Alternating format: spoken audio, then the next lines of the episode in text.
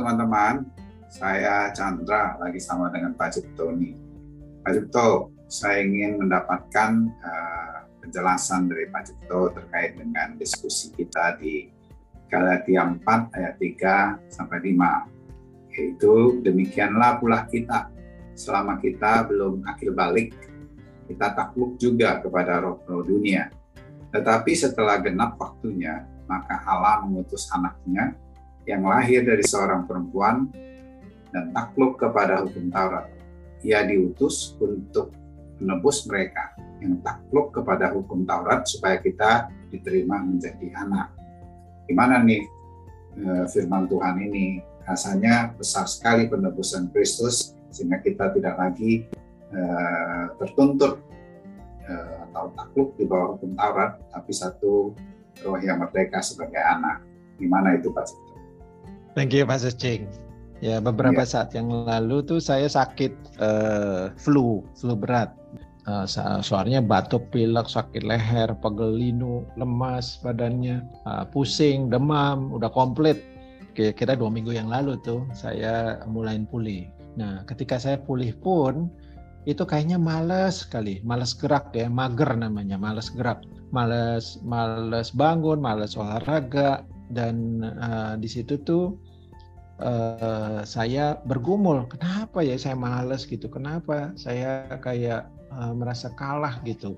Kayak anak anak bungsu gitu. Uh, anak yang apa mikirinnya diri sendiri aja dan uh, terperangkap di mengasihi diri gitu. Sedangkan kan uh, kalau tadi itu uh, anak yang sudah berakil balik dia itu tidak terperangkap tidak tergantung situasi hidup, tidak tergantung situasi uh, yang dialamin pada saat itu. Merasa jadi korban COVID atau lemas, merasa hidupnya terus itu itu uh, uh, uh, tidak ada realem kekalahan, yang ada cuma kemenangan, kekuatan, puasa gitu. Dan uh, kuncinya adalah uh, menerima uh, pembenaran dari Tuhan yang mati di kayu salib, kehidupan yang benar itu diberikan kepada kami, kepada kita yang percaya kepada Dia. Nah, setelah saya mengalami satu damai sejahtera tentang kebenaran itu bukan diperjuangkan ya, tapi di, diterima dan dipercayai. Nah, sehingga saya percaya kepada Kristus bahwa dia sudah sehat, sudah kuat.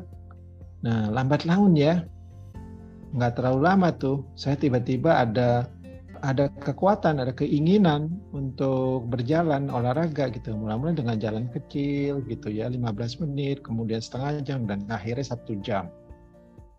Dan orang-orang lihat bisa lihat itu tuh, bahwa saya uh, yang tadinya merasa malas, merasa lemas gitu.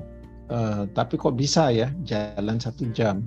Nah itulah uh, pujian saya ya kepada Tuhan tentang ayat ini uh, bahwa akil balik itu uh, atau anak yang dewasa ya uh, anak yang tidak terpengaruh oleh situasi hidup tetapi hidupnya di dalam realem kemenangan yang Tuhan sudah berikan kepada saya itu menjadi menjadi satu pemberian ya anugerah hadiah ya di masa Natal ini itulah sebenarnya yang di ditebus oleh Tuhan dan diberikan kepada kita satu peace, satu joy ya, satu damai sejahtera dan sukacita.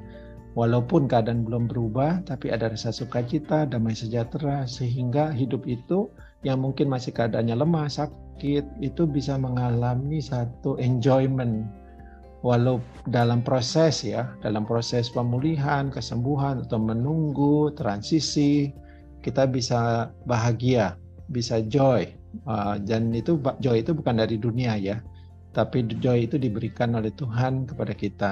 Peace itu juga bukan diusahakan uh, oleh kita, tapi uh, peace itu diberikan oleh Tuhan.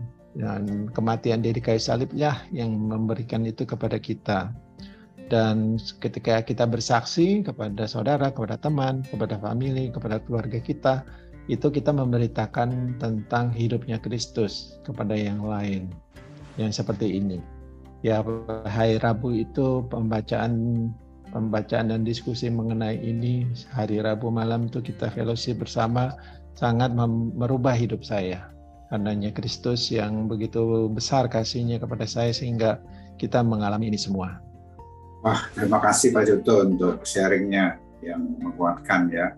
Ketika kita menghadapi situasi kondisi yang melampaui batas pikiran kita, saya bisa maklumi sakit seperti yang Pak Cipto alami tentunya eh, stres, capek, lelah, ya mudah sekali emosinya tersulut ya. Tapi kalau menyadari Tuhan sudah menebusnya uh, setiap aspek kehidupan kita, termasuk kelemahan kita. Sekalipun kita masih ada di dalam situasi itu, tapi sudah ada kekuatan roh hidup dia tinggal di dalam kehidupan Pak.